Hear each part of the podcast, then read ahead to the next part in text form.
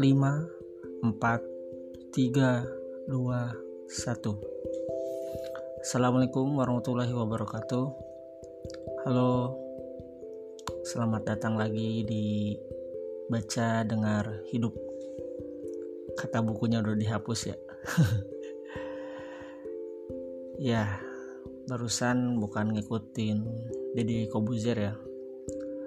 540 through go Close the door gitu. Enggak. Tapi kemarin ngeliat YouTube eh, dari Mel Robbins namanya. Udah dialih bahasakan sih.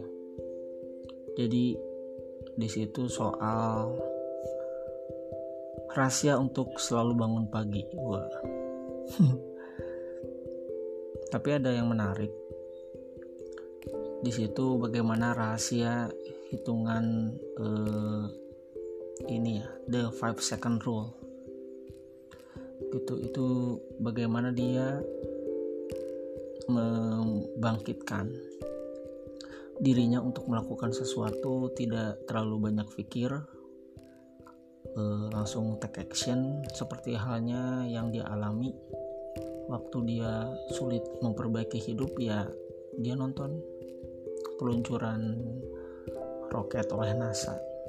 Di situ ada hitung mundur dan akhirnya roket itu kan meluncur ya ke atas gitu. Nah itu jadi uh, ini dia sih, jadi rumus gitu. Biasanya kalau kita kepikiran sesuatu mau bikin ini nih, mau melakukan itu nih, dipikir dulu, tiba-tiba jadi kepikiran ya. Kemudian dianalisis gitu sampai akhirnya overthinking malah nggak jadi jadi nggak mulai. Itu jadi menarik kata dia soal this the five second rule. Udah 5 4 3 2 1 udah bangun aja.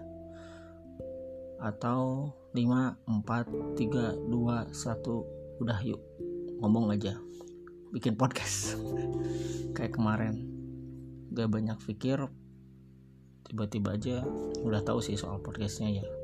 Cuman persoalan tiba-tibanya itu kemarin terlintas eh, buat rekam sesuatu waktu jemput istri.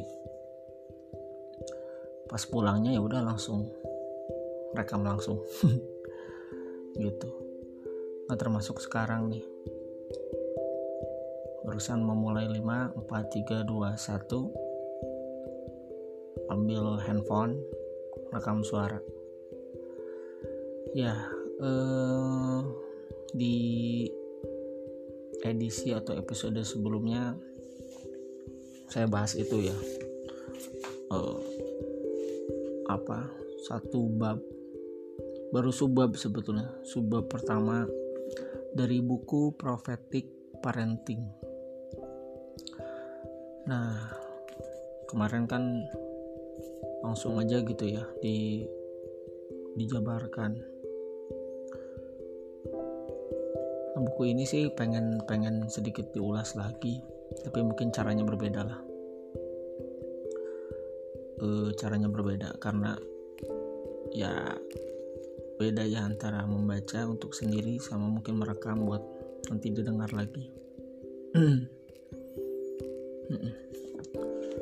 Ini memang kalau kemarin kesannya dari sub awal gitu ya bukunya sangat textbook.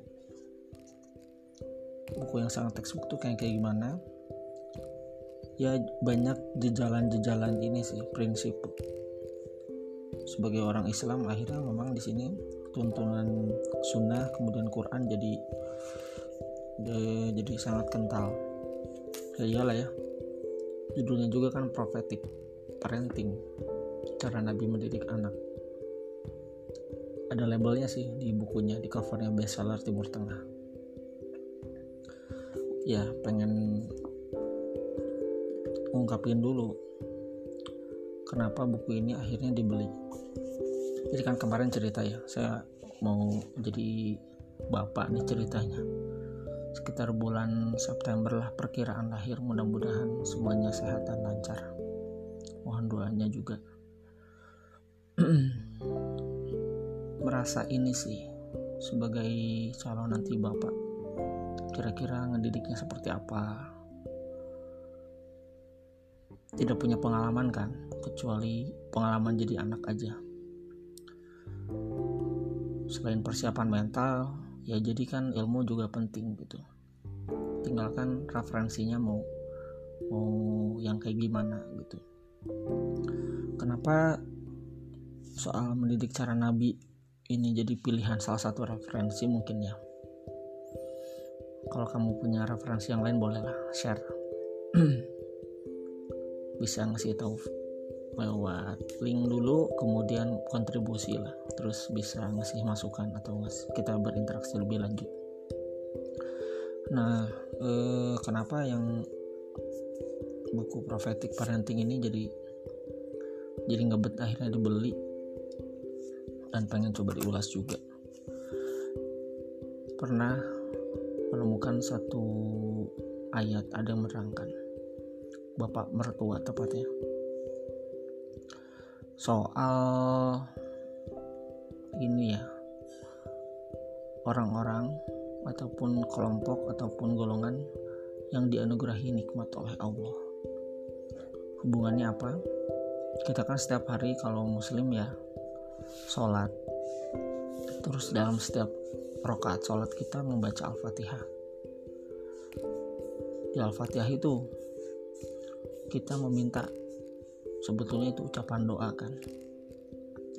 Ihdinas sirotol mustaqim. Tunjukkanlah kami jalan yang lurus. Ayat berikutnya sirotol ladzina an'amta alaihim yaitu jalannya orang-orang yang kau beri nikmat. Di Al-Fatihah itu ya tidak dijelaskan orang yang diberi nikmat itu yang seperti apa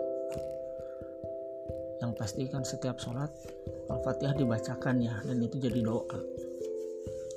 Tunjukkanlah jalan yang lurus jalan orang-orang yang diberi nikmat. Nah ketemu nih ayat penjelasnya.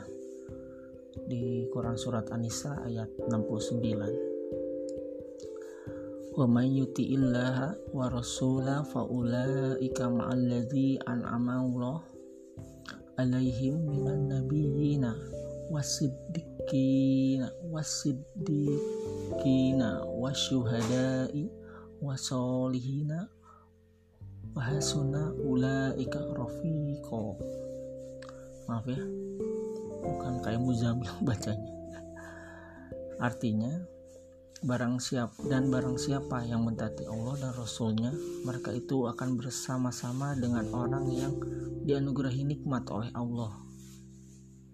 Cukup jelas ya barang siapa yang mentaati Allah dan Rasulnya mereka itu akan bersama-sama dengan orang-orang yang dianugerahi nikmat oleh Allah. Berarti kan ini akan menjelaskan soal siapa orang-orang yang diberi nikmat. Yang diberi jalan yang lurus yaitu nabi-nabi para siddiqin, orang-orang yang mati syahid dan orang-orang saleh. Dan mereka itulah teman yang sebaik-baiknya. Gitu.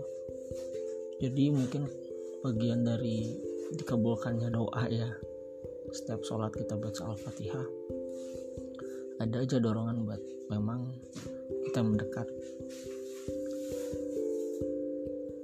mendekat ke jalannya orang-orang yang bernikmat gitu. Termasuk e, munculnya inspirasi itu bikin bikin podcast ini ya niatannya sih ini ya buat e, menyebarkan kebaikan gitu. Dan lebih-lebih ya soal itu soal ada kedekatan ingin gimana ya cara nabi gitu. Karena itu jaminan orang yang diberi nikmat gitu inspirasi itu ya hadir gitu. Uh, untuk beli prophetic parenting cara nabi gitu mendidik anak terbukti lah ya maksudnya orang Islam sebagai muslim ya ada tuntunannya gitu mendidik anak. Ini jadi referensi utama sih. Segimanapun begitu teks buku ini kurang bernarasi gitu. Nah waktu itu pas lihat wah propetik aja udah langsung tertarik. Kemarin belum dibahas nih. Ini sebetulnya dari penulis eh, luar negeri ya. Jadi memang ini terjemahan. Makanya bestsellernya bestseller Timur Tengah juga nih. Terdiri dari beberapa bab. Pas itu memang langsung dilihat daftar isi ya. Biasa kita beli buku lihat belakang covernya dulu judulnya apa. Kemudian lihat belakangnya. Gitu. Nah ini saya baca deh belakangnya. Barangkali kamu tertarik nanti beli. Berdasarkan kajiannya terhadap Sirah Nabawiyah dan As-Sunnah, penulis mengungkapkan bahwa pendidikan bagi anak bermula dari ketika kedua orang tua menikah kemudian hubungan kedua orang tua, kesalahan mereka, dan kesepakatan mereka dalam melakukan kebajikan memiliki pengaruh yang cukup kuat dalam membentuk sisi psikis dan kecenderungan bagi sang anak. Dalam buku ini, penulis mengetengahkan pentingnya pertumbuhan anak di gendongan ibunya, keluarganya, dan lingkungannya, serta hubungan kekerabatan dengan kedua orang tua dan karib kerabatnya. Juga tentang pentingnya menjaga nilai-nilai islami dalam masa pertumbuhannya dan membiasakannya untuk selalu berpikir. Penulis juga menekankan tentang pentingnya memakai berbagai media dan alat peraga yang sesuai dengan usia anak. Itu semua beliau simpulkan dari metode pendidikan Islam, hadis-hadis Nabi Shallallahu Alaihi Wasallam dan pernyataan para pakar pendidik pendidikan Islam. Dilihat dari awal memang pertama soal nasihat cinta untuk soal orang tua metode mendidik anak hingga usia 2 tahun. Tuh kan? Doa untuk proses kelahiran tuh di bab 2 itu. Mendidik bayi pada hari pertama kelahiran. Ya sebagai calon bapak gitu ya yang istrinya nanti sekitar 2 atau 3 bulan lagi akan lahiran. Tuntunan islami begini sih buat saya jadi referensi ya. Kemudian bab hmm, bagian kedua oke ini dibagi beberapa bagian. Bagian pertama ada dua bab. Bagian pertama itu bab satu soal nasihat cinta untuk calon orang tua. Kemarin satu subbab ya. Di dijabarkan. Ada bab duanya metode mendidik anak hingga usia 2 tahun. Bagian kedua itu ada tiga bab di situ Bagian kedua ada metode mendidik anak ala Nabi. Kemudian bagaimana memerangi eh, sorry, bagaimana memengaruhi akal anak. Bab 4, bab 5 bagaimana memengaruhi jiwa anak. Bagian ketiga ini ada dua bab juga. Gitu. Dua bab juga bab 6 bab 7 bagian keempat satu bab bagian kelima 9 10 wah banyak lah. Belasan bab ya. Jadi kebayang kalau caranya kemarin diulas dibacakan satu-satu ya. Per subab. Gila ini bisa bisa ini sih. Bisa setahun bisa lahiran belum beres kalau cara bacanya ya di di di divokalkan ya. Karena ternyata ini juga pernah saya cari-cari sih bagaimana cara membaca ya cara membaca buku. Oke cara membaca buku buku itu ternyata cara vokalisasi itu adalah cara yang kurang efektif. Gitu cara yang kurang efektif efektifnya kenapa? Karena membuat otak kita berpikir eh, dua kali lebih berat gitu. Itu yang saya temukan referensinya. Jadi justru kita tuh kalau baca buku mestinya diam nggak bisa ngomong gitu. Atau berini ya komat kami sekalipun itu justru sebaiknya dihindari karena itu tadi selain bikin kita lambat bacanya juga bikin cepat lelah gitu. Makanya kata banyak orang sih ini buku itu kayak obat tidur. Baca dikit gitu ya langsung bisa cepat ngantuk. Ya mungkin untuk kasus buku-buku yang menghibur ya di genre fiksi mungkin kita bisa, masih bisa bisa tahan karena storytelling kan itu yang bikin kita terus engage sama cerita dan terus penasaran kan. Beda kalau buku-buku non fiksi gitu. Apalagi yang sifatnya textbook berat gitu. Jadi ada kebiasaan buruk nih dalam membaca. Yaitu vokalisasi subvokalisasi kumat kami tuh. Kepala bergerak mengikuti bacaan. Yang ketiga itu kebiasaan buruk keempatnya gerakan mata tidak efisien. Karena kita ini ya terlalu jauh ataupun jarak pandangnya nggak nyaman. Kelima menggunakan alat tunjuk. Kalau kita lagi baca Quran lagi belajar sih mungkin itu untuk memastikan huruf ya. Tapi kalau untuk baca eh, kita udah bisa lah ya gitu. Bahasa tulisan Indonesia bahasa Indonesia ya udah tanpa alat petunjuk sama regresi. Kita merasa perlu mengulang gitu padahal terus saja lanjut. Nah makanya mungkin nanti saya kalau membaca ini mengulas aja apa yang saya baca apa yang saya dapat gitu ya. Lebih asik gitu kali ya dibandingin saya ngomong cuma bacain doang. Nah itu soal buku ini e, bukunya kayaknya adalah di Gramedia ataupun di toko buku yang lain toko buku diskon tuh. Saya sih belinya di toko buku diskon. Karena menarik dia dari bab satu aja ya. ini persiapan sebelum memang punya anak tuh. Selain subab yang di bab satu ya Selain sebuah tanggung jawab mendidik, ada usaha untuk menikahi wanita soleha, pahala menafkahi istri dan anak, tujuan pernikahan islami, karakter para pendidik sukses, kabar gembira untuk orang tua, anak adalah perhiasan di dunia ketika setan dan manusia bertempur, pengaruh kesolehan orang tua pada anak, pernikahan dan hubungan kekerabatan, berdoa sebelum melakukan hubungan intim, kelahiran sang buah hati, mengobati kemandulan, hukuman bagi orang tua yang tidak mengakui anaknya. Gile. Dan isinya semua tuntunan sunnah. Dan juga ya ada ininya ya landasan Qurannya. Landasan dalil. Amazing ya. Ya kalau merasa membutuhkan bagaimana mendidik anak dengan uh, mengikuti cara Nabi bisa kayaknya beli buku ini.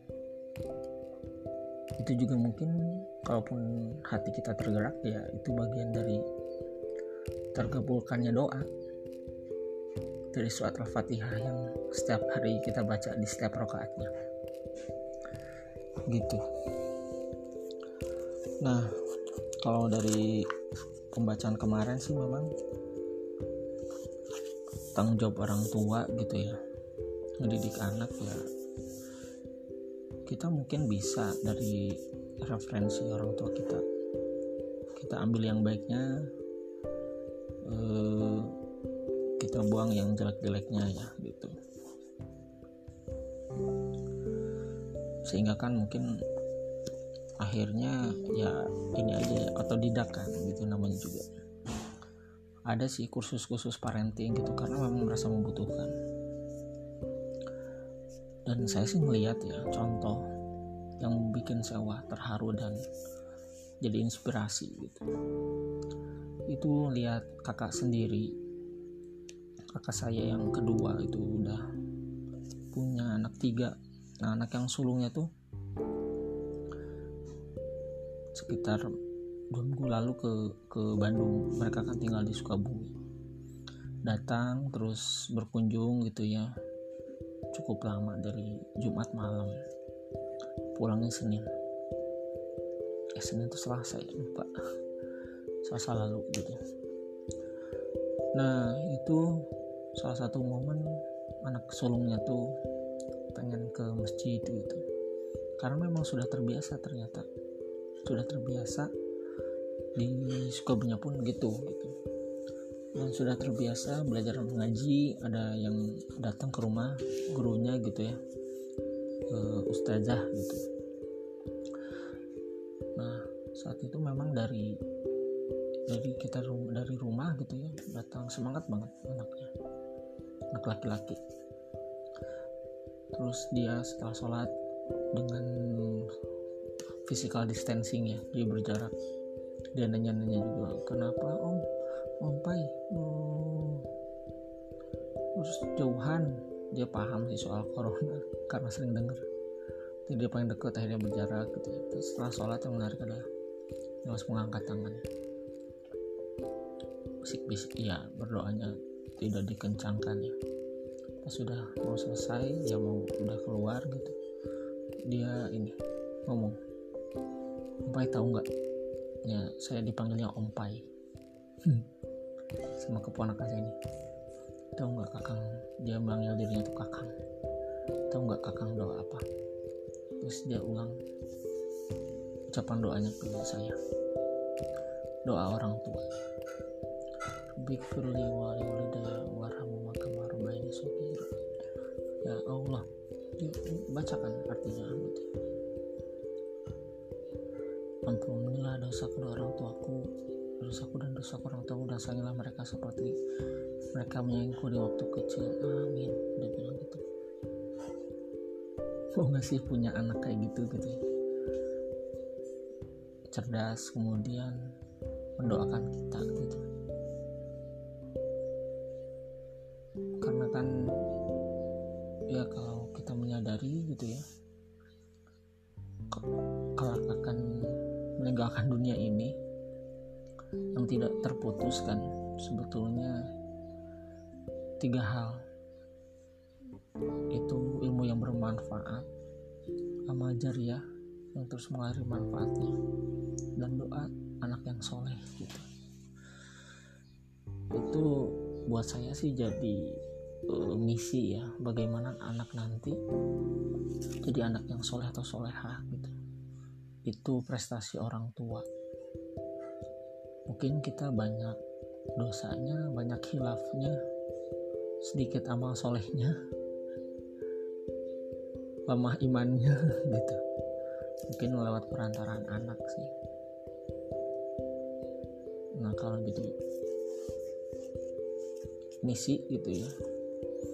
Ya cara didiknya tentunya kan gak bisa sembarangan kan gitu.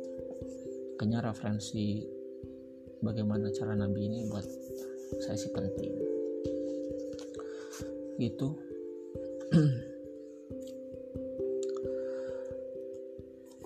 Soal ini ya saya nggak akan baca per sebab lagi ya. Jadi lambat bacanya. Nanti aja kalau udah saya baca apa yang intisarinya ataupun pelajaran saya dapat saya share gitu ya. Biar saya dengar lagi juga sih gitu ini maksain juga sih buat ngerekam suara. Di posisi depan laptop yang mau nyiapin presentasi proposal tesis. Belum sih masuk ininya ya baru pendaftaran. Karena kan katanya begini ya penyesalan itu selalu di akhir ya. Karena yang di awal itu pendaftaran nah gitu saya sekarang itu lagi pendaftaran di awal. Mudah-mudahan sih endingnya bukan penyesalan ya. Gitu. Merasa ya tadi hitungan 5 detik gitu ya. Rules of the 5 second gitu ya. Ya rekam aja sikat aja gitu. Kalau ah, dikonsepin dulu gitu ya berlama-lama dulu nggak jadi-jadi. Karena buat saya sih seneng ya kalau suara tuh. Dulu saya pernah jadi wartawan reporter dan juga penyiar FM gitu. Penyiar loh begini-begini. Bagian malam baru magang.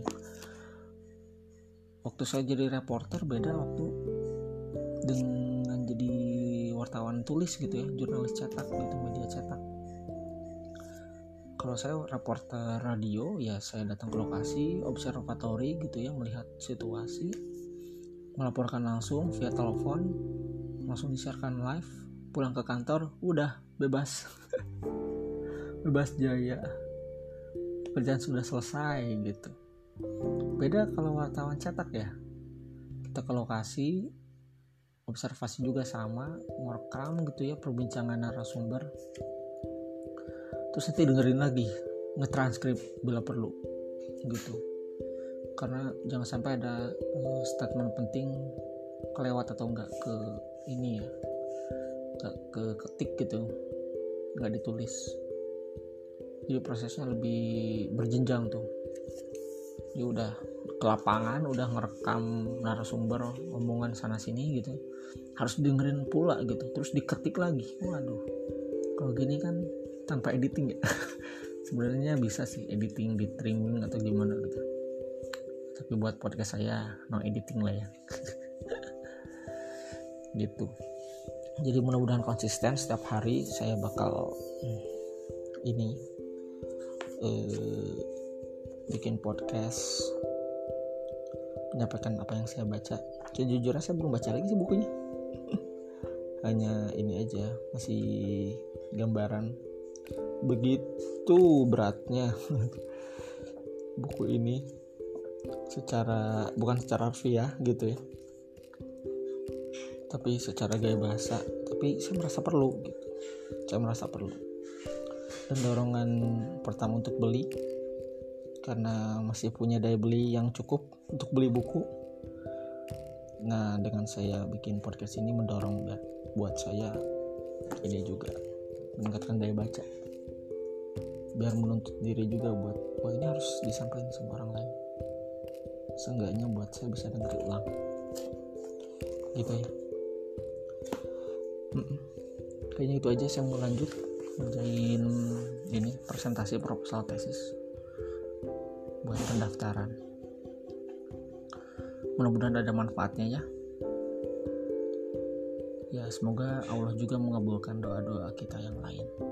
Amin terutama mendoakan agar anak kita menjadi anak yang soleh. Mungkin jalannya lewat kita orang tua atau calon orang tua terdidik untuk jadi soleh duluan.